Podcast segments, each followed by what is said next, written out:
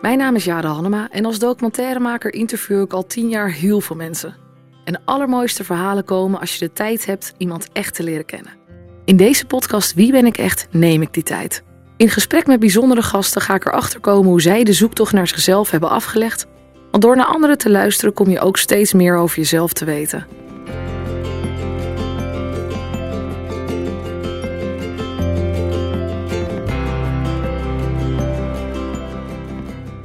Welkom bij de tiende aflevering van Wie ben ik echt? Deze keer spreek ik met Iris Hannema.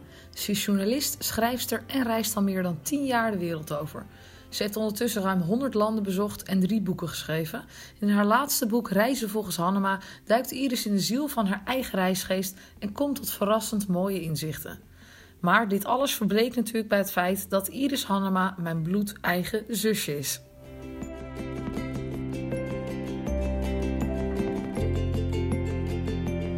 Welkom in de podcast, Uur. Wie ben ik echt? Dit is de tiende aflevering en mijn zus is de tiende aflevering. Dat vind Ja. ik wel heel leuk. Nou, een eer. En het is leuk hoe wij zitten, dat, dat zien de luisteraars natuurlijk niet. Maar we zitten met twee honden op een bankje bij de open haard in de bergen in Frankrijk waar jij woont. Ja. Waar ik voor het eerst ben. Dus dat is ook heel leuk om te zien hoe jij leeft met jouw vriend. Nou, hartstikke leuk. Ehm, wie ben ik echt? Eh, eigenlijk dacht ik van hoe, hoe begin je die vraag te stellen aan je bloedeigen zus? En toen dacht ik misschien moeten we toch even terugschakelen naar hoe wij eh, zijn opgegroeid. Want dat is best wel uniek. Want wij hebben twee Ja. ouders die eh, eh, vanaf voor onze geboorte al enorm met die vraag zelf bezig waren. Ik heb, ik heb het idee nu op mijn 35 dat ik dat wel enigszins heb overgenomen, die zoektocht, wel geheel op een eigen manier. Wat heb jij van hun overgenomen in, in, dat, in dat zoeken? In de zoektocht naar wie ik echt ben. Ik denk dat wij allebei eh, zoeken naar wie we zijn. En dat toch als basisbeginsel wel in ons leven hebben gelegd. Ik denk dat we dat hebben meegekregen. En we zulke mensen zijn geworden daardoor. Ja. En onze zoektocht is natuurlijk eh, eh, afzonderlijk van elkaar. Hebben we allebei een heel eigen pad daarin bewandeld. Jij bent letterlijk de wereld ingegaan om te zoeken. Je hebt heel veel landen bezocht, eh, bent overal geweest.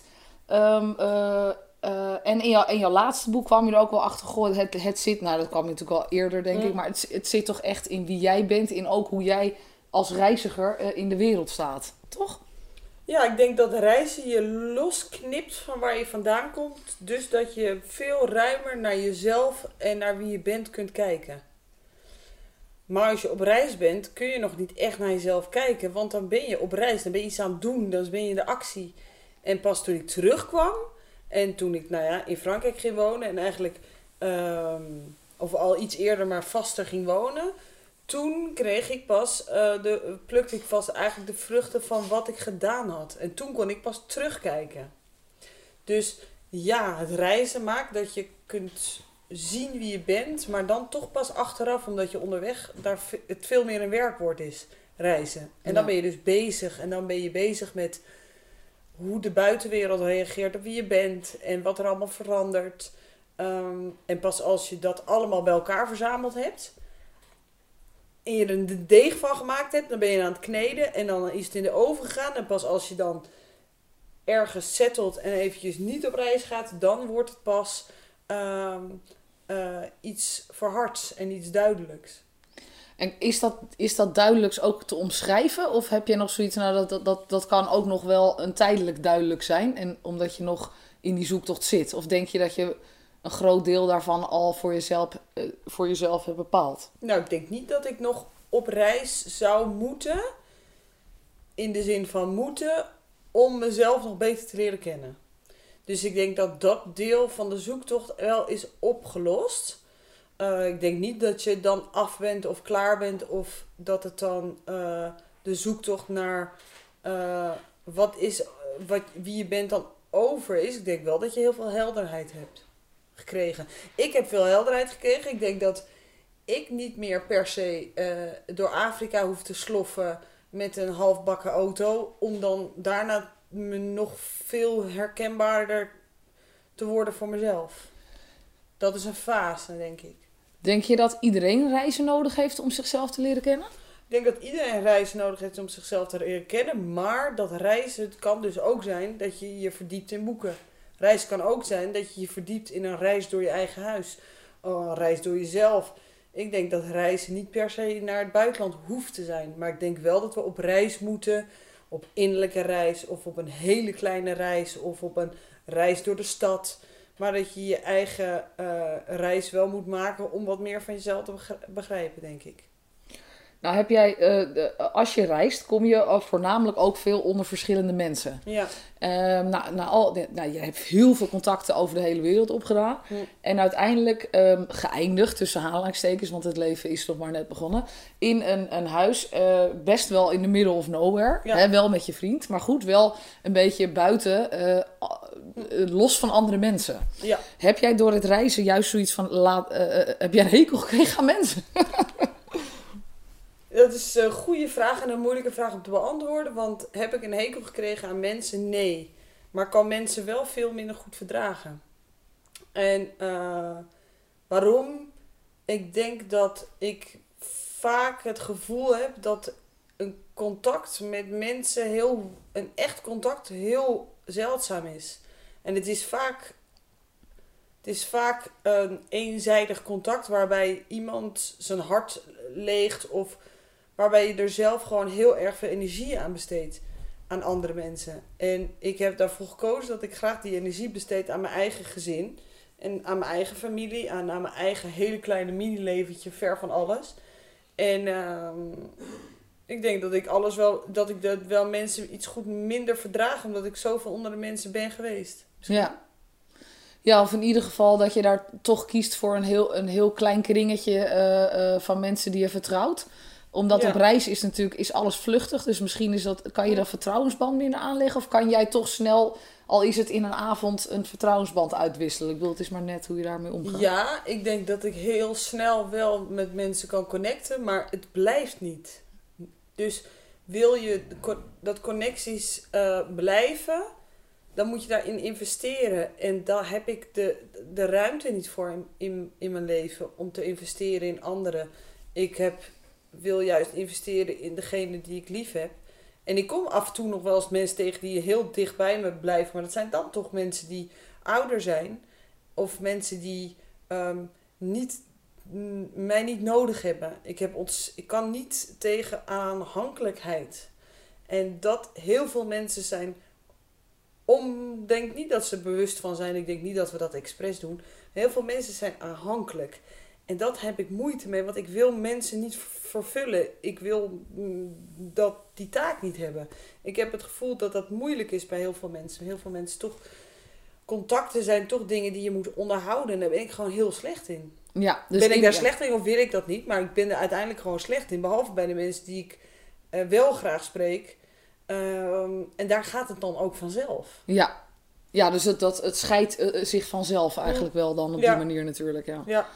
En jij hebt het, uh, mensen ook minder nodig. Want ja, dat is natuurlijk waar. Ja. Wat jij zegt, ja, houdt niet van aanhankelijkheid. Maar dat is ook omdat jij grote delen van je reizen alleen hebt ge, uh, ge, gedaan. Ja. En goed alleen kan zijn. Ja. Wat natuurlijk ook niet uh, een ieder even goed kan. Nee, maar ik denk dat dat je wel reist. Je leert van reizen om alleen te kunnen zijn. En als je alleen, echt alleen kunt zijn, ook zonder, zonder je partner, ook zonder, je denkt, ik kan mijn leven doen zonder iemand dan worden sociale contacten minder uh, interessant omdat je dat niet nodig hebt. En dan kijk je terug op, op heel veel relaties die bestaan uit bekendheid. Omdat je elkaar, um, omdat je elkaar nou eenmaal heel lang kent. Uh, omdat je nou heel, uh, dus heel erg veel routine. En als je, ik heb gewoon geen routine meer. En dan blijft heel weinig kleven. Ja, ja. En ik neem aan, omdat jij bent schrijfster, van jong, jongs af aan schreef jij al graag, dat dat ook een wereld is waar jij heel veel in kan, kwijt kan? Ja, ik denk dat dat een wereld is waarin alles zoveel gebeurt, dat het eigenlijk niet eens meer zo nodig is om nog heel veel daarnaast te hebben. Ja, precies. Ja. Het is een hele volle en hele. En ja, het vervult me zo erg. Uh, het leven hier en het leven in het klein en het schrijven dat ik echt heel weinig behoefte heb aan andere vervullingen. Grappig dat als je het leven dus in jouw geval groot hebt geleefd, dat je dan dat je nu alleen maar kleiner, kleiner, kleiner Ja. bent gegaan. Ja, Hè? Dat is Dus eigenlijk dat wel ik echt kan rijden door waar ik... Dus we zitten in de bergen. Ik kan echt elke dag... Nee, ik kan rijden naar beneden naar het hè, grote dorp. Een klein stadje hier beneden waar dan de bakker en dat soort dingen zitten. En dan kan ik echt denken, ja, dat is dus geluk. Geluk is zon, bergen of mist of koeien. Het is zo klein eigenlijk. Het hoeft allemaal niet zo heel groot te zijn. Eén, heel even dat ene moment dat je denkt, oh, wauw. Ja. Dan kan je dus een hele maand in eh, Brazilië rondreizen. En eh, met je hoofd wollig en eh, alles doen wat God verboden heeft.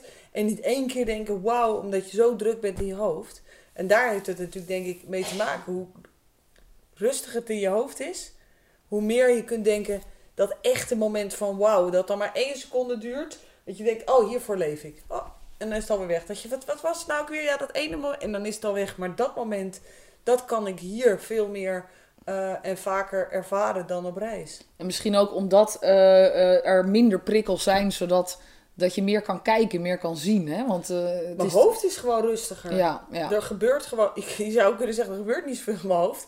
Eh, dat is natuurlijk, dat, dat klinkt is altijd al zo geweest natuurlijk. Maar dat ja. klinkt natuurlijk, maar er gebeurt gewoon eh, niet zoveel in mijn hoofd. In de zin van dat als ik buiten ben, dan ben ik buiten. En er is niet meer zoveel onrust als vroeger. Dus het is gewoon best wel leeg. En als ik schrijf, dan is het dus helemaal vol. En als ik, eh, ik stop met schrijven, dan is het dus eruit. Dus als jij vol hoofd hebt, ga je schrijven? Kan, dat zei je dat nou? Of zo heb ik dat verkeerd begrepen? eigenlijk, ja, dat weet, nee, nee, ik heb niet echt een vol hoofd. Nee, maar als jij, het, als jij achter je bureau gaat zitten, boven in je kamer, kijkt uit over de bergen en hè, er moet iets komen, je bent bezig met een boek. Ja. Hoe, hoe, hoe krijg je je gedachten dan vol? Of komt, komt de, de, de inspiratie van een andere bron? Nou, dat is natuurlijk wel. Ik vind het een beetje vreemd als mensen zeggen: Ik weet niet wat er in een boek gaat gebeuren, het komt tot mij. Maar schrijvers zijn natuurlijk geen goddelijke elementen. Dat is natuurlijk raar. Je bent geen eh, verlenging van Gods hand. Het is, natuurlijk, het is natuurlijk, ik snap wel wat daarmee bedoeld wordt. Daarmee wordt natuurlijk bedoeld, je begint te schrijven en je, je, je komt naar een andere wereld. Ja. Tot een andere wereld. Eh, en je loopt rond in een wereld die als je even stopt met schrijven en één keer, oh, je één keer om je heen kijkt en denkt, oh, ik ben, ben hier en niet in Japan. Ik schrijf nu over Japan. Dan kan ik er echt zijn. En dan ben ik terug en denk ik, oh ja, nee, ik ben, ik ben in één keer in Frankrijk of in wherever. Maar ik denk niet, dus komt het tot je? Nee, want het komt gewoon uit jou. Dus op het moment dat je denkt dat je een, een goddelijke verlenging bent, denk ik dat je toch, dat je dat toch niet... Oh, sorry. Oh, De hond grond. de hond gromt wat. Je, Nee, zit, er oké. veel aan de, je zit- zit er veel aan het te plukken. Oké, ik zal Je moet ik er met rust laten. Oké, Bibi, ik stop. ik stop. Oh, vrouw, ze nou. Ja. En, ehm, dus nee, ik denk, ik, denk dat het, ik denk dat het komen tot een andere wereld kan voelen alsof het niet uit jou komt. Maar ik heb wel degelijk een plan met het boek. En het probleem is, als je geen plan hebt. Ik schrijf ook wel eens, denk, denk nou, ik laat het even vandaag, ik laat het lekker komen. ja. Ik heb geen idee wat ik ga doen, ik laat het lekker komen. Nou, dan wordt het helemaal niks. Nee, maar jij zegt ik heb een stip aan de horizon, om maar even iets te noemen. En daar ga ik heen. Maar de route er naartoe kan nog wel eens eventjes Ja. een beetje links en Ja, rechts. eh. maar je moet dan, ik moet vooral oppassen dat ik niet slap ga lullen. Als ik het niet, als ik Ja, niet helder ben, Oké.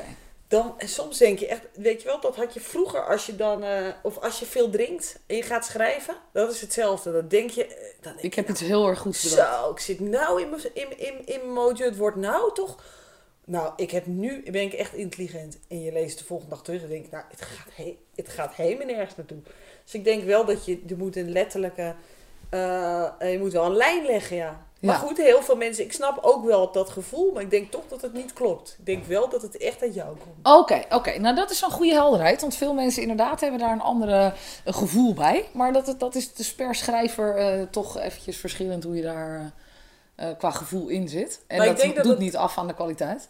Nou, nee, ik denk dat het te maken heeft met waar komt creativiteit natuurlijk vandaan. Komt het uit jou of komt het van buitenaf? Nee, het komt niet van buitenaf, want, want creativiteit zit in je. Dus heb je dan een, is er dan iets wat er tot je komt? Nee, het is iets wat uit jou komt. Creativiteit is niet iets wat, wat je gegeven is van buiten. Dat is iets wat, je, wat, wat in je borrelt en dan komt er iets. Even iets heel anders. Ehm, wat is de grootste les, tussen aanhalingstekens, die jij hebt moeten leren in je leven? Alleen zijn.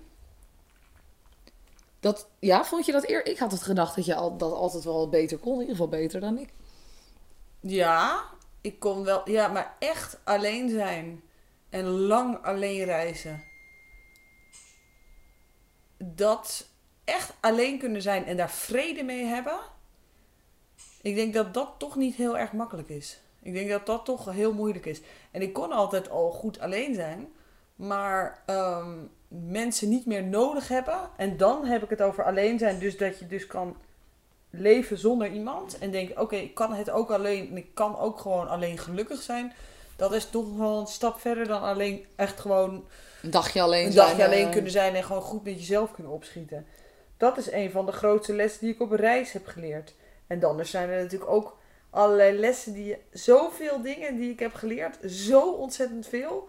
Dat ik echt zo ben veranderd. In mijn hoofd en in hoe ik over dingen nadenk. En zoveel coulanter en vriendelijker ben geworden. En zo minder... ehm, ehm, dit is wel goed, dit is niet goed, die is wel Je zo. bent niet- genuanceerder geworden misschien. Is Ja. dat meer... Hè, niet, niet zwart-wit gaan denken, maar Ja. eh, alle kanten Ja. heb je bekeken. Dat doet reizen natuurlijk ook met je. Ja, ja, dus er zijn eigenlijk. Dus aan de ene kant valt er zekerheid weg. Aan de andere kant voel je je zekerder in jezelf. Dat is natuurlijk eigenlijk een hele gekke combinatie. Ja, precies. Ja, omdat je natuurlijk controle loslaat, dan krijg je natuurlijk weer daar heel veel ruimte Ja. voor terug. Als je daarop vertrouwt in ieder geval. eh. Ja, je, dus je laat controle weg, maar uit, eh, weg, eh, je laat controle weg. Maar je neemt toch de controle over je leven, omdat je zo leert naar je gevoel te luisteren. Dat een ander soort controle voor terugkomt. Dat maar, je ja. toch, ik heb, ik heb vol controle over waar ik ben. En ik geloof in. Kijk, en dan met. Het kan natuurlijk altijd misgaan. Maar ik geloof echt in mijn voorgevoel, mijn intuïtie. En ik geloof echt dat ik aan kan, goed kan aanvoelen wanneer er iets gebeurt wat niet klopt. Of wat er gaat gebeuren wat niet goed voelt. Daar heb ik. En dat geeft natuurlijk dan wel weer controle.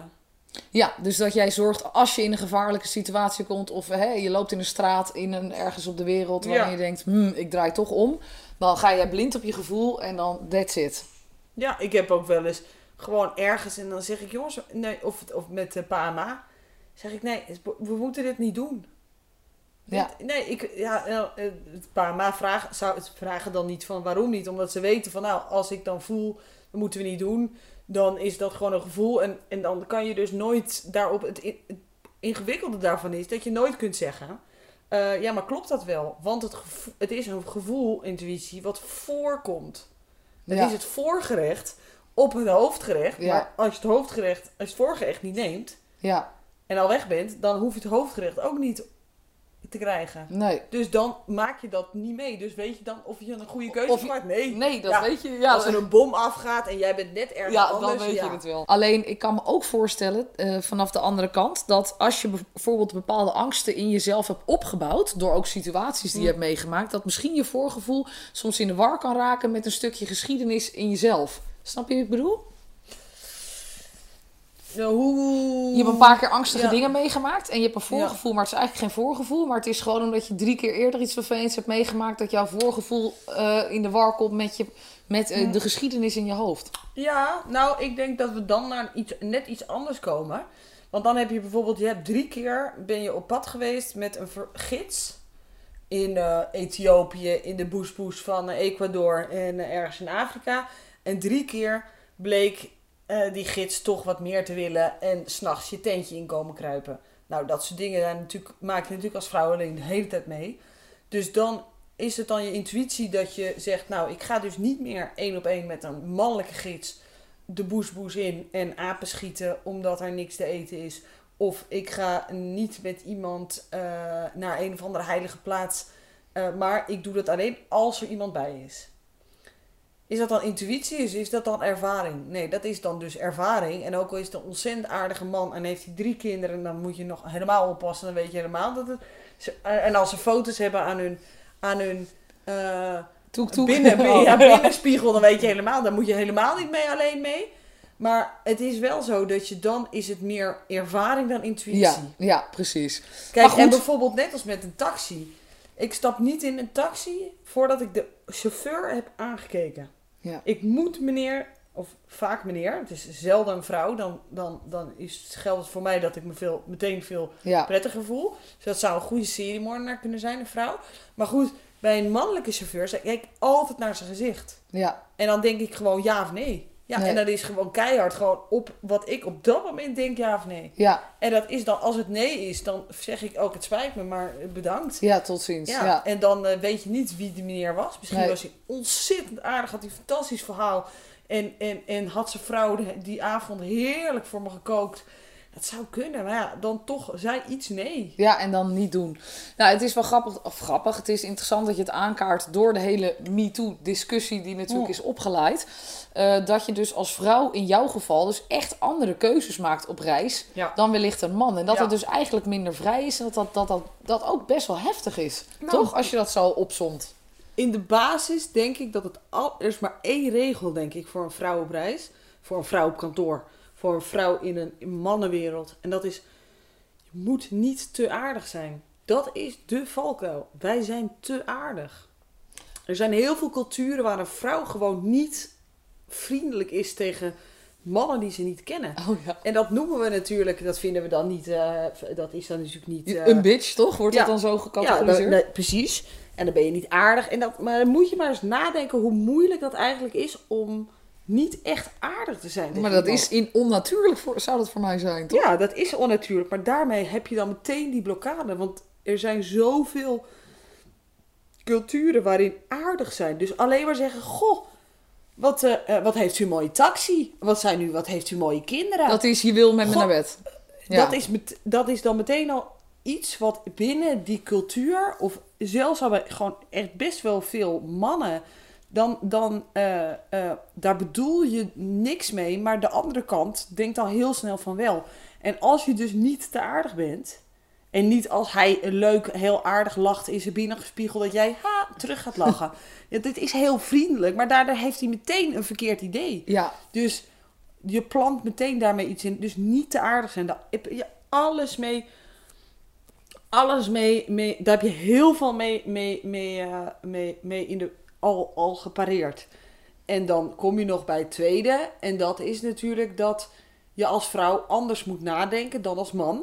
Net als dat mannen op reis anders moeten nadenken. Omdat ze andere valkuilen hebben dan vrouwen. En een goed voorbeeld is het carnaval van Rio, waar ik twee keer ben geweest zonder beroofd te worden. Wat, wat dat een unicum is. absolute, absolute prestatie is. Ehm, daar waren eh, eh, natuurlijk vrouwen moesten oppassen. eh, geen rokjes aan, omdat er dan handen onder, onder verdwenen.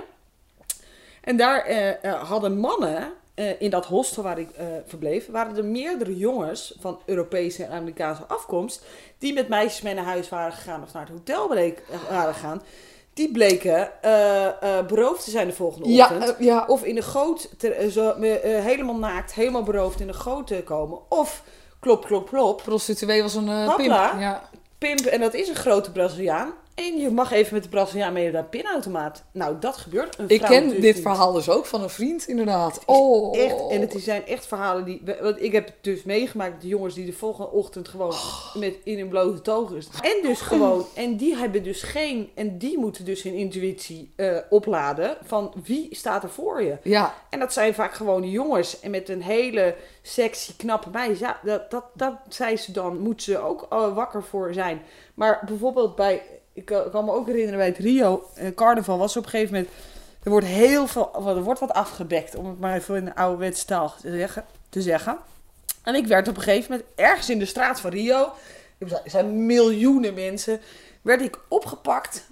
Letterlijk door een enorm grote eh, zwarte eh, Braziliaan. Echt gigantische man. Ik zweefde als een soort zweefmolen in de lucht. En die zei tegen mij... eh, je moet nu met me zoenen, anders neem ik je mee en dan heb je niks meer te vertellen. Oh, niet? Ja, ja. Met z'n vieren erg. erheen. Allemaal zwarte mannen. In Brazilië zijn ze ook nog eens hartstikke groot. Wat doe je dan? Nou, je staat, niemand valt het op, want iedereen Nee, loopt met loopt elkaar elkaar te swingen in de lucht gewoon. Ja. Dus toen dacht ik, nou, dan doe ik het maar. Dan zoen ik maar met hem. En daarna zet hij... En dat heb ik gedaan. Ik heb, we, hebben, we hebben gezoend, daarna zet hij me neer. En toen was het gebeurd. Maar dat is dus... Wat doe je dan?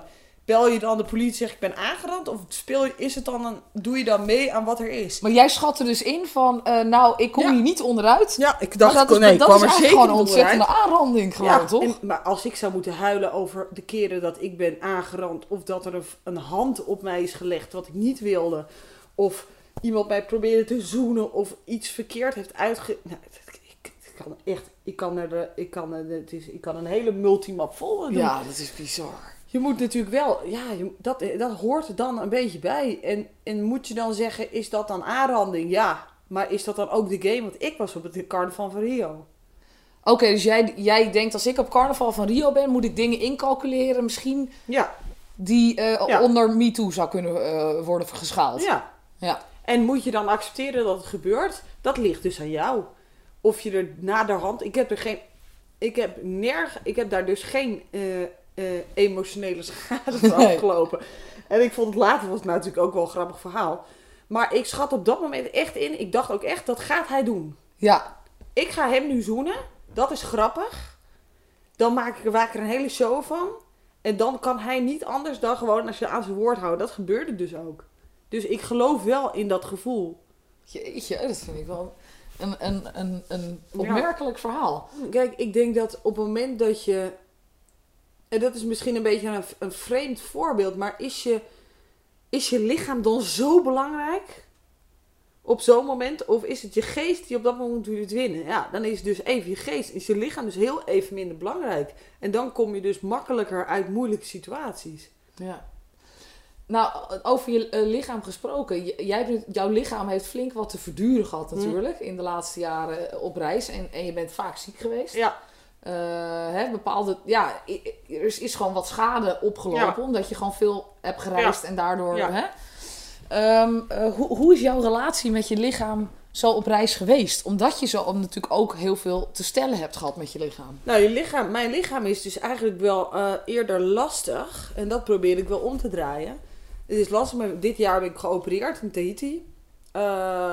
Dan kom je in een positie waarbij je afhankelijk bent van anderen. Namelijk van artsen, van, eh, van eh, eh, verplegers, van, van de verzekering die dat allemaal moet bekostigen. En dan kom je dus in één keer van vrijheid, blijheid in, op Tahiti, kom je, draai je in één keer om in een hulpbehoevend slachtoffer zijn. En dat is wel iets wat je heel erg wil vermijden. En dat vond ik wel heel, dat is, vind ik wel heel moeilijk, ja. Dus het lichaam is een last. Want wat, je, wat ik wil, kan ik niet altijd doen met het lichaam dat ik heb gekregen. Ik ben heel gevoelig voor infecties. eh, hele nare eh, tropische infecties gehad. Nou ja, dus geopereerd. Ehm, veel littekens. Eh, ja, dat is echt, dat is wel een nadeel aan het hebben van een lichaam. Maar ja, dat hebben we dus nodig om, heb je ook nodig om te reizen. Ja, maar zie jij het niet zo dat jouw lichaam, eh, hè, zoals je het ook kan zien, de tempel van je ziel is en jouw dingen wil vertellen en eh, allemaal signalen wil geven. En dat jij denkt, nou, mijn lichaam is gewoon maar een instrument en moet niet zeiken, zeg maar. Je kan ook van die andere kant. Je lichaam is een tempel. Nou, in een tempel moet je stil zijn en er gebeurt geen reet. Dus daar ben ik het dan weer niet mee eens. Maar ik denk wel dat een lichaam iets is waar je heel voor, goed mo- voor, mo- voor moet zorgen. Dus ik ben, doe veel aan sport, ben fit, eh, eet eh, slechts gezond, eh, drink nauwelijks, bedoel, rook niet, gebruik geen drugs, ga vroeg naar bed. Ehm, dus ik probeer wel echt daarvoor te zorgen voor dat lichaam, omdat ik van alles wil en ik wil ook dat het lichaam meegaat. Maar je kent ook mensen die hebben nooit wat. Ja, dat, die hebben nooit wat. Ik heb hoeveel wortelkanaalbehandelingen ik in het buitenland heb gehad. En ik heb een kies a- gebroken ergens in de jungle met een van de jungle tandarts. Nou, dat gun je dus ook je vijand. Nou, dat gun je dus precies je vijand. ja. dat was je, maar jouw lichaam was dus jouw vijand eigenlijk. Ja, maar ja, had ik dan moeten zeggen, mijn lichaam is het hier niet mee eens. Ik ga, to- ik ga terug naar huis en ik stop met dit leven. Was dat dan de boodschap van mijn lichaam? Nou, als dat de boodschap was, heb ik daar dus niet naar geluisterd. Dus was dat de boodschap niet. Nee, nee. Totdat je in een ziekenhuis belandt. Totdat je been eh, het niet meer doet. Totdat je geamputeerd wordt. En totdat je in een rolstoel. En dan nog zijn er mensen. Ik heb in het. Ik, ik- waar was het nou? Ergens in de middle of nowhere. Echt, je kon er alleen met een boot naartoe. En daar was een, was een meneer uit, uit Wit-Rusland. Of all places.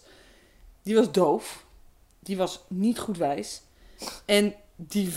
Het was een vreselijke. Hij schreeuwde natuurlijk heel erg, want hij hoorde niks. Maar die man die reed met een motor de wereld rond. Ja, dat is wel fantastisch. Is die man.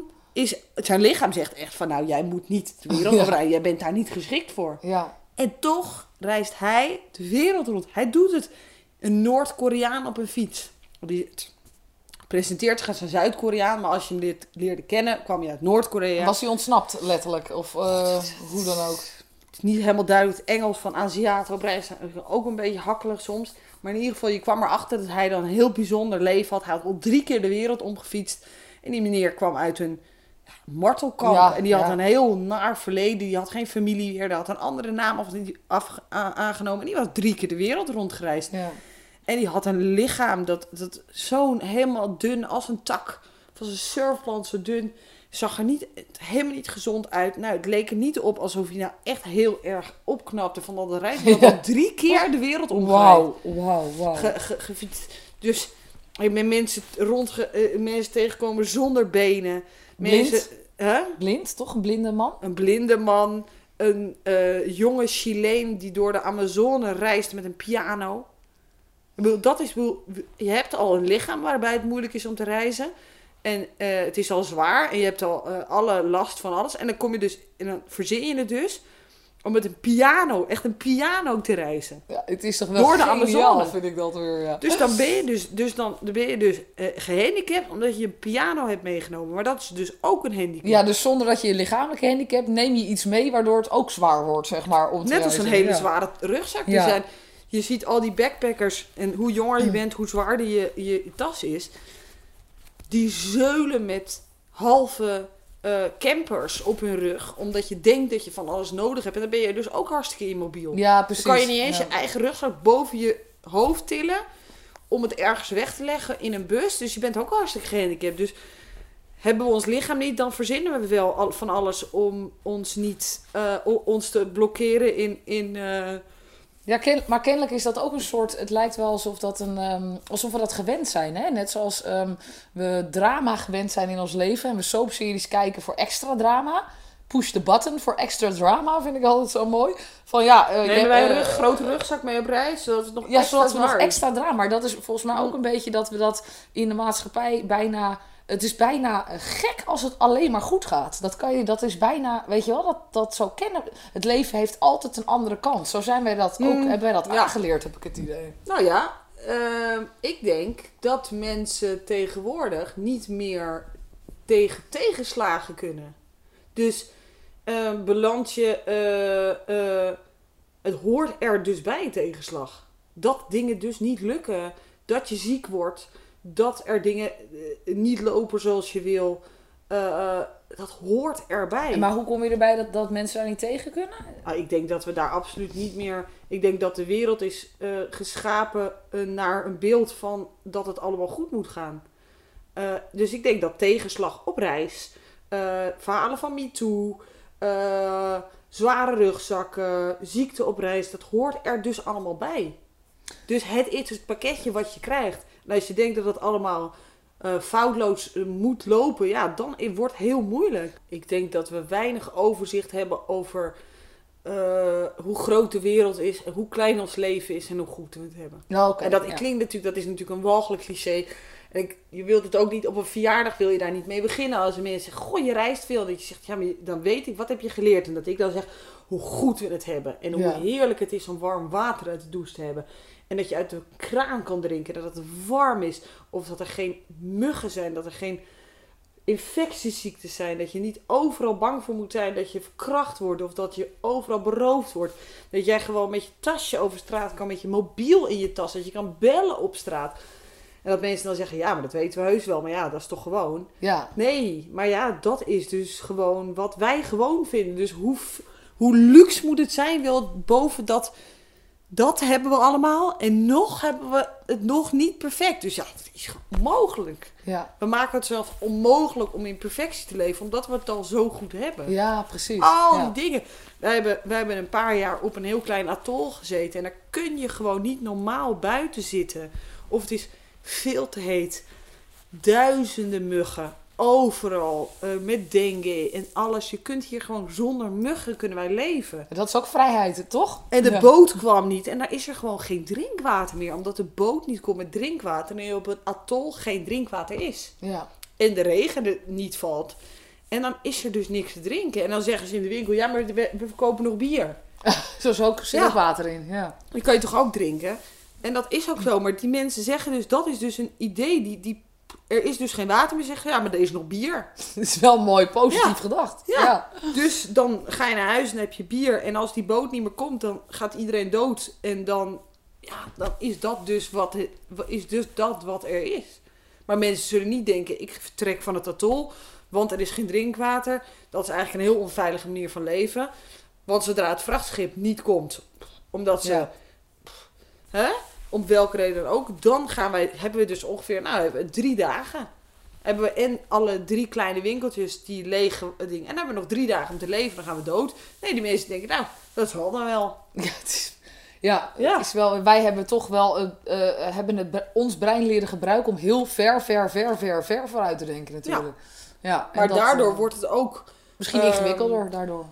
Het wordt moeilijker om te falen. Want als je denkt, als je verder wegkijkt, als je heel ver wegkijkt, dus als je plant, als je in de toekomst kijkt, dan kunnen natuurlijk op die weg heel veel dingen fout gaan die je niet hebt bedacht, omdat je alleen maar naar je eindbestemming kijkt. Precies. En hoe korter termijn je denkt, hoe minder er mis kan gaan. Want Ja. je, hebt Ja. gewoon geen, er zitten veel minder plannen tussen op die weg. Ja, nee, dat is wel zo. En ik denk ook omdat wij, wij komen in een maatschappij, eh, leven in een maatschappij waarin vooruitdenken een, een bijna een must is. Ja. En iedereen een burn-out en stress krijgt. En stress feitelijk natuurlijk is ehm, eh, angst voor iets wat nog niet is. Stress is angst voor iets Ja. wat er nog niet is. Dus het is een bedacht gevoel waar we compleet ons lichaam helemaal van uit kun- kan schakelen. Het is iets heel idioots natuurlijk. Ja, dus als je dat niet vooruitkijkt en niet een toekomstperspectief hebt en niet denkt aan morgen, wat ook, het is ook ook lastig, ja. heel lastig is als je eh, niet aan morgen denkt. Ik zou zeggen, morgen is toch wel een goede referentiekader. Als je niet aan morgen denkt, wordt het wel echt lastiger met iemand te leven. Maar als je dan toch wel aan morgen denkt, maar niet aan over drie jaar, dan wordt het gewoon echt overzichtelijk het leven. Ja, ja dat snap ik. St- eh, even iets, eh, weer schakelen we even naar een ander onderwerp. Ehm, geloof. Wij hebben ook weer even weer terug naar onze ouders. Ouders die allerlei soorten en maten gedag, gedachtegoederen goeden hebben ontdekt. Ik vind gedachtegoederen vind ik wel mooi. ja, gedachtegoederen. Gedachtegoederen. Ehm, die hebben als een, de gedachtegoederentrein voorbij laten gaan en daar allerlei soorten en maten dingen uitgeplukt. En eh, hun eigen nou, geloof, overtuiging eh, gevonden eigenlijk. Kan jij een beetje omschrijven wat voor geloofsovertuiging jij hebt als jij ja, aan iets hogers denkt of, of, of bid jij wel eens naar iets of iemand? Nee, ik, nou, ik moet dan. Kijk, het, is, het zou liegen zijn om te zeggen dat ik in echt hele moeilijke situaties waarin ik dacht, nu ga ik dood. Toen heb ik toch even. Toen heb ik wel een babbeltje ma- gemaakt met eh, God. Nou, toen was God er wel. Ja, Oh, dus dat is natuurlijk gezellig. heel opportunistisch. En eh, ik vind ook dat God, eh, de, mag daar ook, oh, die, die mag dat ook, ook negeren natuurlijk. Dat heeft hij gelukkig niet gedaan. Maar ik denk wel dat je in noodsituaties dus naar iets hogers ineens wel in Ja, dat is wel interessant. Ehm, of als je heel ziek bent, dat je dan zegt: Ik doe alles. Ik doe alles als je maar beter wordt. Of toen ik een keer in Rio de Janeiro op een huis paste in de sloppenwijken. En ik alle tafels en stoelen omdonderde. En ik dacht: Er zijn nu jongens binnengekomen via het balkon. Die hadden al een keer de eigenaresse vastgebonden en al haar goud gestolen. Oh. Waar je al denkt, waarom heb je godsnaam goud in je huis? Maar dat is weer wat anders. Dus die eigenaresse had tegen mij al gezegd... Ze zijn via het balkon binnengekomen. Ze hebben me eh, eh, eh, vastgebonden, guns op het hoofd, alles leeggediend. Maar goed, ze hebben me niet verkracht. Maar jij bent wel jonger en mooier dan ik, dus dat weet ik niet. Maar goed. Dus jij dacht, laat ik op dit huis gaan passen in mijn eentje. En dat daarna goed zei ze, nou, ik ga lekker op vakantie drie weken. Heel veel succes in het huis. Toen, op dat moment, die nacht, toen alles omflikkerde in de huiskamer, toen dacht ik, nu zijn ze binnen. Ik ben jonger en, Knapper. nou ja, wel in ieder geval jonger eh, dan zij. Eh, toen heb ik wel echt gedacht, God, dit is het moment dat je wel, dat u, ik geloof dat ik dan ook u zei, Oké. eh, dat ik echt wel hulp nodig heb. Ik doe echt, ik zal echt alles doen om dan die hulp terug te betalen. En- nu, Oké. Dus je moest ook nog God terugbetalen? Ook nou, ik jouw dacht echt, ik doe eh. alles. Ik doe alles als de, dit nu mij niet gaat gebeuren. En wat, en ik wil natuurlijk heel weten, wat gebeurde er dan met die tafels en stoelen? Het waren de honden en katten die in eh, gevecht raakten oh man, je En die de hele huiskamer ondergescheten hadden. Oh, Alles omgegooid maar dat was jouw payback naar God, dat je, dat je scheid moest opruimen misschien. Nou ja, dat heb ik ook eh, natuurlijk met z'n liefde opgeruimd. Maar daarna dacht ik wel, goh, ja, ja, dat doe je dan wel. Maar ik geloof dus niet in God. Dus dat is eigenlijk wel een beetje vreemd. Maar nee, ik geloof niet in God. Ik geloof niet in een man. Ik geloof niet in eh, religies. Ik geloof niet in boeken die ons vertellen wat we moeten doen. Eh, ik geloof dat religie... Ik heb heel veel religies onderweg gezien. En dat is toch vooral... het zijn vooral mensen die daar hoop uithalen. En ik heb geen hoop nodig om me gelukkig te voelen. Religie is om hoop te kunnen hebben. Ja. Wat anders draag je, waar anders draag je hoop in? In je hart. Maar wat draagt dat dan? Ja. De natuur? Je bestaan dat dat kort is? Of het bestaan van een God? En dat geeft dus hoop. En dus zijn ook he- heel veel mensen op de wereld die arm zijn, eh, eh, het meest gelovig. Ik gel- Ik geloof dat er een dynamiek is op de wereld. Ik geloof dat de natuur heel krachtig is. En ik geloof dat wij heel weinig voorstellen. En ik heb alle vertrouwen in dat de dood ook een heel prettige eh, eh, plek is om te zijn. Oh ja? Hoe, Ja. In hoe, en waar, waar denk je dat je... Dat nou, ik ben jij, zeker eh, niet bang om dood te gaan. Waar, wat denk je dat er gebeurt? Nou, de Vikings, die hebben dus Valhalla. En die maken dus het idee van Valhalla, dat is wel Ja, interessant. je moet wel even uitleggen, want de Vikings hebben wel Halla. Mensen denken, huh, Oh. what? Nou, de Vikings hebben een paradijs, zoals de, de, de christenen het De hemel. hebben. Oké. Hebben de Vikingen het Valhalla. En wat gebeurt in dat Valhalla? Daar, dus Vikingen houden heel erg van vechten. Dus ze doen wat ze het allerliefst doen in Valhalla, de hele dag. Dus ze vechten, ook, bevechten elkaar de hele dag. En aan het eind van de dag hebben ze een, eh, delen ze hun maaltijd samen. En dat is het Valhalla. Dus het idee is, je doet wat je het allerliefste doet. En daarna ga je eh, eten met degene, met degene die je lief hebt. En dat doe je elke dag weer tot in de eeuwigheid. Nou, En dat, oh, en jij denkt ook van, dat is voor mij wel een goede optie, zeg maar. stel je zou het doen wat je Ik wil niet weten wat jij dan allerliefst allerliefste doet. doet. en dan heb je een maaltijd met degene die je lief hebt. Nou, dat lijkt me wel wat. Ehm, maar dat bestaat natuurlijk niet. Nou Maar- ja, of wel, hè? Dat weten we natuurlijk niet. Want we- de dood ah, en het hiernamaals weten Nou, wij ja, natuurlijk nee, niet. dat weten we niet. Dus ik denk, ik denk dat de dood een heel... Kortom, ik denk dat de dood een heel plezierige plek is om te zijn. Maar wat doe jij dan het allerliefst en met wie zit jij dan aan tafel? Ja, dat willen we natuurlijk dan wel even weten. Nou ja, ik denk dus dat je wel moet, dan moet wachten totdat andere mensen ook doodgaan. Oké. Want ik denk niet dat levende mensen dan aanschuiven in dodenrijk. Dat lijkt me een beetje... Dat lijkt me iets. Oké, dus oké, iedereen sterft gelukkig, gelukkig en oud in ons bedje later. Eh, en dan ja, gaan dat we dood. geloof ik ook helemaal. Ik hoef helemaal niet... Oud lijkt me helemaal Oud niet. niet? Nee hoor. Je wil, wil niet oud worden. Niet per se. Oké, wat zou een ideale leeftijd zijn dan? Dat, ik zou er geen nummer aan willen, maar ik zou niet... Ja, maar jij wil, jij wil gewoon andere mensen niet overleven. Ja, jij bent wel iemand die graag denkt, ja, ik ga eerst, dan hoef ik jullie niet te missen. Zo, zoals ik jou een beetje ken. Is dat niet wel een beetje waar? Ik denk dat is wel, dat is gewoon. Nee, want kijk, als mensen eerder doodgaan, dan weet je dat zij al in het Walhalla met elkaar eten Oh! en op jou wachten. Dus in principe hoeft dat nou niet echt. zit jij in je eentje aan tafel. Je moet ook Dan niet te jong sterven natuurlijk dan. Nee, maar dan zit je in je eentje ja, aan tafel. dat is ook ja. niks. Ja, maar Nee. dan ontmoet je misschien weer andere leuke dode mensen. Maar goed, denk je nou, blijven jullie maar even weg. Nee, ik weet het niet. Ik weet het niet. Ik weet het niet. Ik ben niet bang voor de dood. Ik ben nooit bang, ben bang geweest om dood te zijn. Ik vind het heel erg om andere mensen verdriet te doen. Maar ik denk dat ik wel een leven, nu al een leven heb geleid waarvan je niet hoeft. Ik geloof het niet. Ik vind het ook een rare manier hoe wij dat doen met al. Heb je wel eens de kranten gelezen, de familieberichten? Zo gek wij Ja, dat is heel gek, hè? Ja. In, daar staat in, tot ons grote verdriet is onze oma, moeder, eh, heen gegaan op 94-jarige leeftijd. Hoe kan je nou verdriet hebben dat iemand 94 is geworden en dood is gegaan? Maar dat is toch heel raar? Dan ben je toch heel blij voor iemand die iemand 94 jaar lang een leven heeft. Ja, maar het Waarom gaat meer om dat zij, dat, zij de, dat zij natuurlijk die persoon gaan missen. De, de, de, de, samenkomen met, met oma en de familie. hè. Dat, Maar dat heb is je, waarom, he- waarom doen wij dat niet? Ik heb liever dat we dat doen zoals ze dat doen in Ghana. En in Ghana is het zo dat ze een vet dikke rave party organiseren. En ik hou helemaal niet van rave parties, maar ik bedoel meer... Je zet alle boksen bij elkaar en je maakt een feest van. Ja. En je viert iemands leven. Ja. In plaats van dat je iemands dood betreurt. En als je je eigen leven kunt, dus als mensen je leven kunnen vieren. Dat je, dat je geleefd hebt kunt vieren, is dan gewoon een heel andere gedachte dan dat je huilt omdat iemand dood is. Het is gewoon echt het tegenovergestelde van. Eh, en zo zou ik wel willen dat mensen plezier beleven aan, Jouw dood. ja, aan dat ik er niet meer ben, maar dat ik een heel mooi leven heb geleid. Nou, dat is een, mo- een mooie gedachte inderdaad. Nou zeg je al van ik heb nu al een heel vol en mooi leven gehad. Dus ik heb Ja. geen, hè, als ik nu sterf dan is het ook, eh, heb ik het mooi eh, gedaan al. Ja. Je bent 33, maar we gaan er nog even vanuit dat je nog, nog niet op de helft zit. Zeg op Ja. de helft.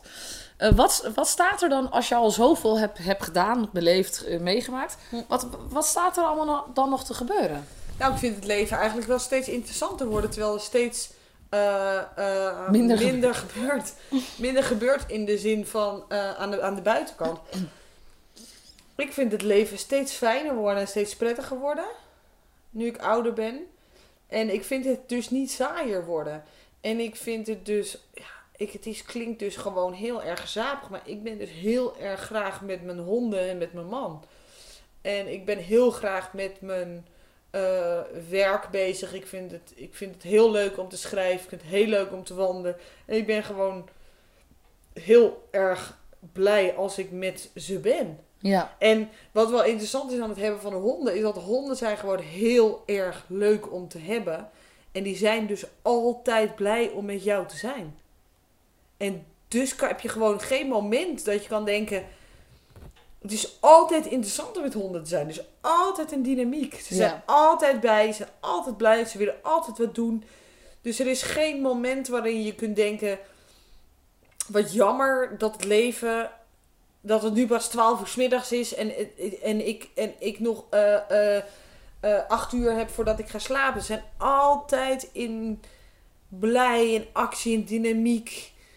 Het is gewoon heel bijzonder om honden Ja. te hebben. ja, Heel bijzonder. Dat heeft echt mijn leven veranderd. ja. En ook een, een liefde, echt mijn groot liefde gevonden. ehm, waar ik mee kan zijn, waar het gewoon altijd leuk mee is. Gewoon elke dag leuk. Elke ochtend leuk om op te staan samen. ja. Elke dag leuk om samen naar bed te gaan. Altijd leuk om met elkaar te eten.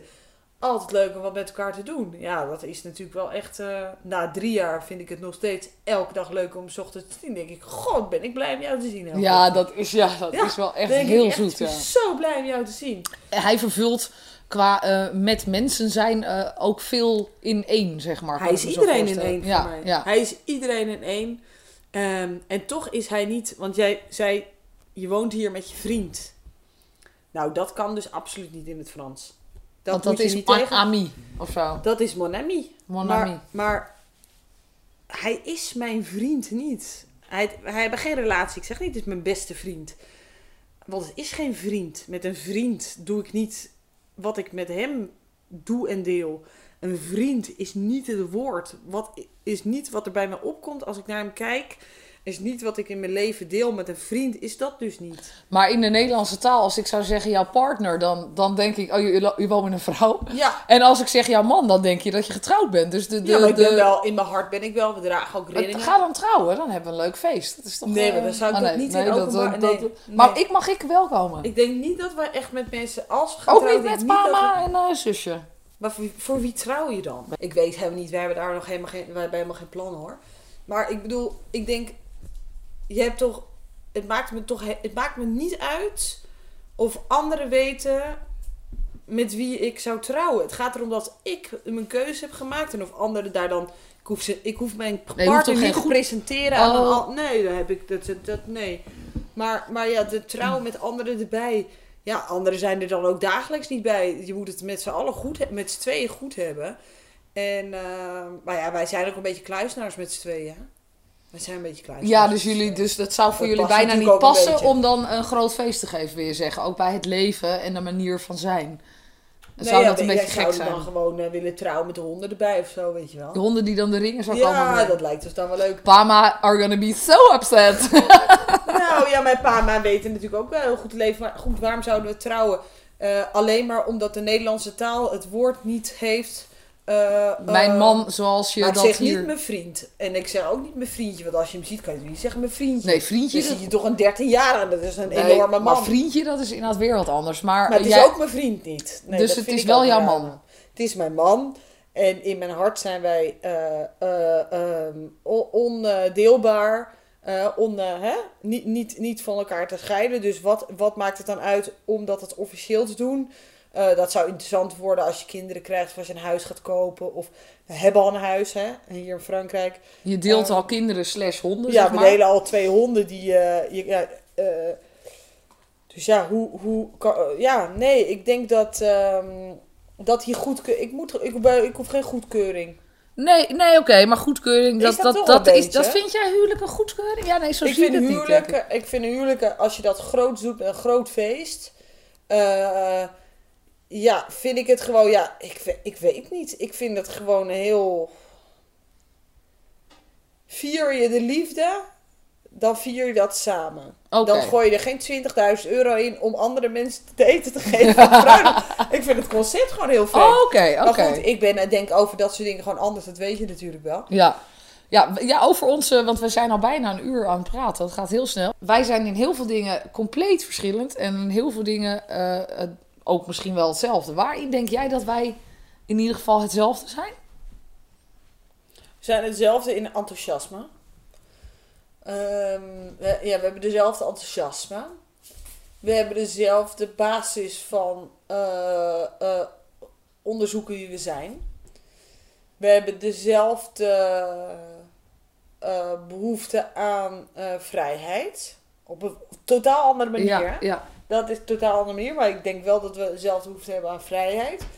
En ik denk dat we dezelfde ondergrond in, ehm, in, in, in filosofisch denken hebben. Ja, en wat we ook heel erg hetzelfde hebben, denk ik, is de, de, dat wij geïnteresseerd zijn in anderen en vragen stellen. Hè? Want jij, jij Ja. bent in jouw werk eh, eh, een interviewer, schrijfster, maar ook gewoon een journalist. En ik ben een documentairemaker en doe ook niet anders dan vragen stellen. En mama is natuurlijk een journalist van huis uit. Dus wij hebben dat eigenlijk een beetje van haar natuurlijk gewoon gezien en overgenomen. Ik denk dat ik ken werkelijk... Ik ken... Nou, zou ik niet over... Dan, dan geef ik het ruim. Ik denk dat ik tien mensen in mijn leven al heb ontmoet. Nou, en dan heb ik veel mensen ontmoet. Die bij mij... Die kunnen zijn... Die bij jou kunnen zijn. Die vragen kunnen zijn. Die contact met je kunnen maken. Zonder zichzelf daarin te vermengen. Dus zonder een verhaal te maken die uiteindelijk draait om, dat, om, om een eigen behoefte, om eigen vragen of om zi- zichzelf te profileren. Oh, dus- dus als ze vragen hoe gaat het met je en dan zeg jij nou goed, want gisteren was mijn oom. Oh ja, maar ik heb ook een oom vroeger gehad. Zo, dat bedoel je? Zo een beetje zo, dat mensen een verhaal trekken denk dat naar er- zichzelf? En dat is, helemaal, dat is dus menselijk, want da- daarom doen mensen, en dat is dus ook menselijk. Maar de behoefte om over jezelf te, ver- over jezelf te praten is wel zo groot dat het wel heel, heel eh, zeldzaam is als je iemand ontmoet die echt een pure interesse heeft in de ander zonder zichzelf erin te vermengen. En eh, dan heb je dus de, de, de grove voorbeelden, zeg maar grof geknipte voorbeelden van... Ben je wel eens in China geweest? Die vraag is altijd Omdat ze- ze zelf altijd omdat ze zelf in zien. Dus als ik dat, je moet altijd nee zeggen, want anders krijg je iemand zijn hele reisverhaal te horen. Als je dus, oh, soms zit je daar dus niet op te wachten, of te- alle foto's te zien, of Eh, maar vragen stellen, denk ik dat we wel zou kunnen leren. En dat er best wel een eh, klas, eh, als we al jong zouden aanleren wat echt vragen stellen is. En voornamelijk luisteren, denk ik, hè, dan in, jou, in het geval Nou, van ik de voorbeelden. Dat, dat is je- het enige wat vragen stellen is. Dat is namelijk, je verstelt een vraag, je knipt jezelf eruit en daarna hou je je waffel dicht en luister wat de ander, en luister naar wat de ander te zeggen heeft. En, ehm, maar, maar luisteren is niet wat wij tegenwoordig, eh, wat de meeste mensen doen. Dat is wachten tot ze zelf aan, de, aan het woord kunnen komen. Ja, Dat is tegenwoordig luisteren. oké, ja. Dus, eh, eh, en is dat ook een reden waarom jij, kan ik wel zeggen, soms teleurgesteld bent geraakt in, in mensen, in of je omgeving, of die je dan ontmoet? Of, of ben je al niet meer teleurgesteld als dat Nee, ik gebeurt? ben niet teleurgesteld. Zeker niet teleurgesteld. Nee, ik ben niet teleurgesteld in mensen. Ik vind mensen heel interessant en ik vind mensen heel lief. En ik vind mensen heel. Ik zie wat voor moeite mensen, wij mensen doen om een beetje lekker naar ons vel te komen te zitten. Om te zijn wie we zijn. Om ons een beetje goed te voelen. Eh, het is gewoon heel lastig om mensen te zijn. Ehm, en dat zie ik heel erg. En daar heb ik ook compassie voor. Dus ik ben niet teleurgesteld in mensen. Maar eh, ik zou dan. Ik vind mensen eh, wel, wel best wel vaak een heel klein beetje vermoeiend. Oké, ja. Dus ik ga dat. Ik vind mensen een beetje vermoeiend. En daardoor ehm, ga ik mensen. Ga ik bepaalde types en ga ik mensen ook wel onderweg. Maar ben ik heel goed in small talk. Want je kan met mij niet naar een supermarkt. Of ik heb de, onderweg al tien mensen een babbeltje waar jij ook. Dat vind jij ook irritant. Nou, ik, ik ben in, in, in vriendschappen eh, eh, beter en jij bent in smalltalk beter. Of in geval, dat, dat onderscheidt ons heel erg. Want ik hou niet van het praatje poep bij de supermarkt. En jij wel. Ik hou meer van, nou, eh, kom gezellig eten en Ja, we praten ja. bij. Dat is inderdaad het ja, verschil ja, nee, En ik ben helemaal van de smolken. Je kan bij mij niet over het vliegveld lopen en dan zie ik jou wel met je, eh, zie ik jou denken, god, daar gaat ze weer.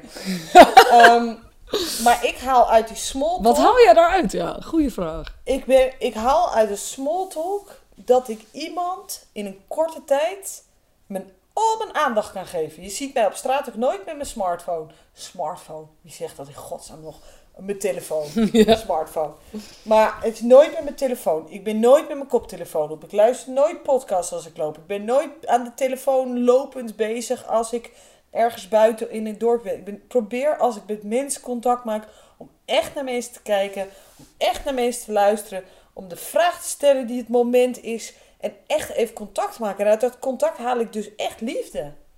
Uit, En dan liefde, klinkt, liefde klinkt gezapig. Ja. Maar ik bedoel meer, dan haal ik echt een, een eh, bevredigd gevoel om even contact met die. En die vijf minuten dat ik even met iemand heb gesproken op een vliegveld, die foto van zijn hond laat zien, heb ik het gevoel dat er een hele, dat heb ik het gevoel dat er een hele evolutie van een vriendschap die vijf minuten heeft gezeten. Oh, wat het is voldoende voor mij. Oh, het is voor jou voldoende om even Het met iemand... mooi. Ja, ja. En waarom kan je het dan... Het wordt zo uitgesmeerd tegenwoordig. Wat moet je nou uren in een restaurant zitten met iemand om uit te wisselen? Ik heb die tekst niet meer. Nee, ik heb die tekst niet meer. Ik heb die tekst niet. Ik weet niet, dat, dat, dat geuitwissel en samen koffie drinken. Ik, krijg er echt vlekken van. Ja. ik kan het gewoon. Dus Ik op, straat vreselijk. smalltalk, maar als Ja. iemand er zegt, mag ik je nummer of zullen we koffie gaan drinken? Dan nee, nee, Geef nee. ik een vals nummer. Oh nee, echt? Geef je een vals Of een nummer? vals e-mailadres. Ja.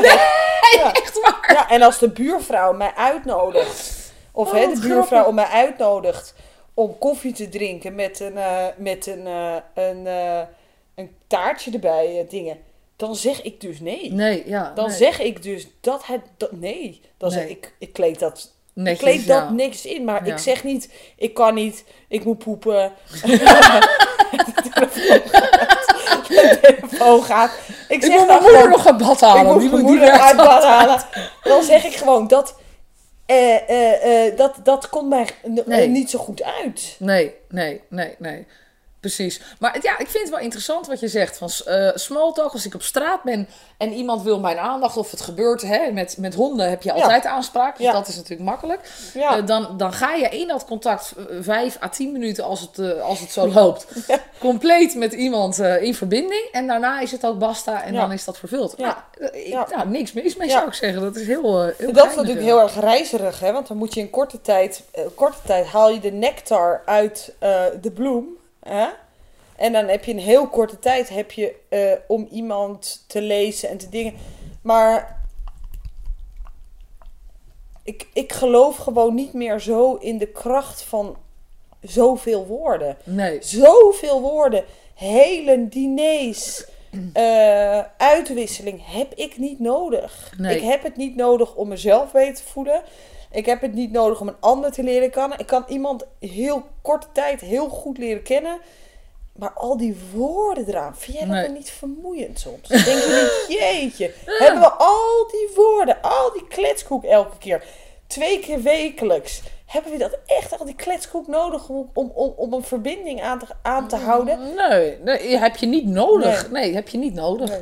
Uh, voor een goede vriendschap niet, nee. nee. Um, wat ik altijd vraag aan mensen op het eind van de podcast is... Um, heb jij tips voor mensen die aan het begin van de zoektocht wie ben ik echt staan, hoe dit aan te vliegen? Hoe dit aan te vliegen? Nou, dat mag sowieso in het boekje vreselijke woorden uit, het, uit de bedrijfskantine. Maar goed. Ik zou ook al stip uit de horizon. Ik denk, ja, ga jou zo. Ja, ik, ik, ik, heb, ik heb hem gemarkeerd. Maar dat is leuk dat zussen kunnen dan van elkaar natuurlijk minder goed hebben als nee, maar ik kan woordje. Wij hadden overigens, zei tak, een lijstje verschrikkelijke woorden. Shampoopel. Daar moeten we nog wel mee. Een shampoopeltje drinken, daar, daar kocht, kocht ze allebei van. Dan krijg je gewoon jeuk van op je rug. Vriendje. Vriendje. Ja, maar dat zeg ik Ik heb een vriendje. Ik zeg niet, ik heb een vriendje. Ik heb, ik heb even met een vriendje iets gedronken. Een oh, een vriend. Een, een vriendinnetje. Nou goed, daar moeten we nog aan werken aan die lijst. Nee, we moeten even aan die lijst werken, want dat is interessant. Maar goed. Nou, de, e- nou, de enige, ik denk dat het echt de enige goede tip die ik kan geven is... Ga eens alleen op een reis. Ja. Ga door je stad reizen. Ga door je huis op reis. Er is een Franse schrijver die heeft een heel boek geschreven over zijn reis door zijn huis. Dat is wel geweldig, ja. Ik weet niet of je echt denkt, dat echt denkt, zit er echt een kop en een staart aan het verhaal, maar het is wel, je huis is al een reis, maar leer alleen te zijn. Ga, door je, ga dineren. Um, en dan is het natuurlijk mensen die niet goed alleen kunnen zijn, hebben andere mensen nodig om dat te vullen. En als je dat wel alleen kan zijn, dan kan je ook meer een sorteer, uitsorteren wat je wel en niet past in je leven veel meer. En dan heb je andere mensen, ben je niet meer zo behoeftig. Ja. En dan kun je dus veel beter kiezen um, hoe je verder gaat met je leven. Maar alleen zijn is dus niet, ik kan een avond alleen op de bank met Netflix en koffie en popcorn. En ik kan een avond. En dat je dan de volgende dag tegen je collega zegt: Goh, ik kan zo goed alleen zijn. ik ben de hele avond, zat ik gewoon de hele avond alleen op de bank. Vond het heerlijk. Ja, maar dat is natuurlijk niet alleen zijn.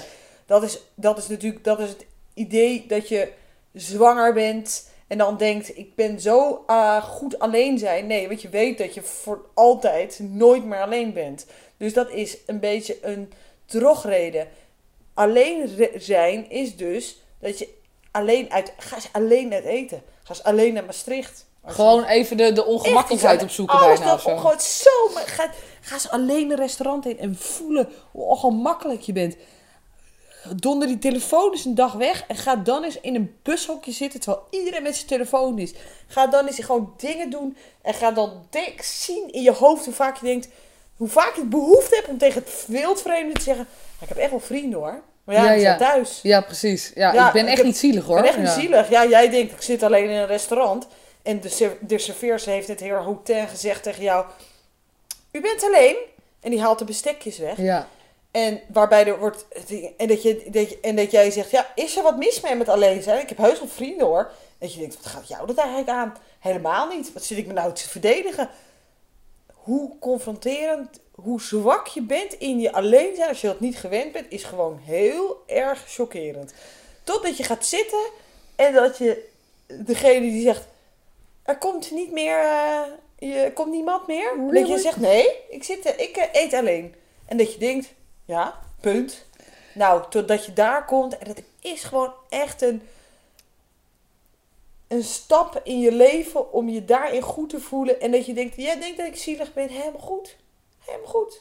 Ja, ik kan alleen eten en, jij, en, eh, en de rest zitten met elkaar te eten. Dus wie is er zielig, hè? Dat is dan ook weer de vraag. Nou, met, wie- zit je met iemand opgeschreven met wie je, eh, En, zit je- ja, eh, met wie je Met verhalen denkt, over China, dan denk je van ik zit liever alleen met mijn boekie lekker te eten. Ik zit, bij, ik zit bij ondertussen heel veel liever alleen met, eh, zelfs zonder boek. Eh, eh, maar ja, dan eh, zul je mij, mij natuurlijk wel snel met de small talk, kom je dat, met, met de small talk in dingen. jij weer met de serveerster natuurlijk. Ja, dan heb ik het natuurlijk wel over de hond van de serveerster. Maar eh, dan heb je heel interessante connecties met mensen om je heen. Ehm, en als je natuurlijk altijd omringd bent met mensen die je kent, dan kom je niet uit je comfortzone. En als je alleen bent, dan word je dus wel gedwongen om dat te doen. En dan komt er dus heel belangrijk, heel interessante dingen tegen. Ja, ja wat er allemaal... Zwakheden uit jezelf. Ja. ja, wat allemaal schuurt, wat allemaal een beetje, een beetje niet zo fijn voelt. Daar moet je, dat moet je opzoeken en daarmee eigenlijk zijn of doorheen. Het is natuurlijk heel mee incomfortabel in een, in een vreemd land. Je komt in een vreemd land aan met je rugzak. Je hebt geen afspraken. Je gaat niemand zien. Eh, je weet niet wat je gaat doen. Snik heet. De politie slaat met stokken de taxichauffeurs eh, uit, de- uit de gang weg. Omdat ze je allemaal aan je rugzak in hun taxi slepen. En dan begint je reis en je denkt, waar ben ik in godsnaam aan begonnen? Nou, en dan begint het pas interessant te worden. En ben je dus niet per se gelukkig. Ja, Je bent heel ongelukkig. Och, je bent heel ongelukkig als je daar staat. Je denkt, ik wil, ik wil weg. Ik wil terug. Ik ga morgen ga ik terug. Ik ga terug. Ik ga dit niet doen. Dit is verschrikkelijk. En dan pas begint een goede reis. En dat Ja. is echt zo. ja, ja, mooi. Ja. Nou, dat is een mooie tip. Ja. Nou, geen, dus geen comfortabele tip. Nee, nee. Maar als je dus altijd maar steeds denkt: God, wat doe ik om gelukkig te worden? Misschien moet je een keertje denken: wat doe ik nou om niet om ongelukkig te worden, maar heel oncomfortabel. Wat is nou het meest oncomfortabele wat ik ga gaan doen? En dan dat doen. En dan wordt het pas. En ja, dan wordt het tenminste toch. Dan gebeurt er tenminste nog wat. Dankjewel. Dat was een mooie tip. Dit was het interview eh, met eh, Iris Hannema, mijn bloedeigen zusje. Ja. Schelen één jaar en vier maanden. Niet veel, hè? Dat weten veel mensen niet. Maart, april, ju, Juni. april, ju- mei. Juni, Juni. juli. Dus eh, vier maanden en tien dagen, eh, zeg Ja, maar. dus, dat schelen heel weinig. Maar ik ben en blijf de oudste. Ook dat weet niemand. Mensen denken dat jij de oudste bent. Wat bedoel je daarmee? Nou, meer dat, eh, dat er gewoon één iemand beter is. En dat ben ik. Nee, grapje. Nee, dit, dit is toch dat de oudste, oudste... Nee, ja, ik denk dat mensen dat niet weten. Nee, nee, dat kan je ook niet zien bij ons. Nee, dat kan je niet zien. Het is, dat is lastig te zien, inderdaad. Als jonger zusje zal jij nooit... eh, die ben je, heb je een oudere zus. En dat is een bepaalde... Dat is altijd een oudere zus. Dat is geen... Ik verwar jou niet met een jonger zusje. Nee, nee, nee, nee, nee, precies. Nee, Dat dat, is- gaat nooit. eh, dat- je gaat Nee. niet opeens denken: ben je nou jonger of ouder in Nee, je gevoel? dat haal je nooit weg. Nee, dat is Nee. ook zo. Ja. Ja, leuk. Nou, dankjewel. Alsjeblieft. Bedankt voor het luisteren naar deze aflevering van Wie ben ik echt? Abonneer je op dit kanaal als je geen podcast wil missen. En als je het een leuk gesprek vond, laat even een review achter. Tot de volgende aflevering.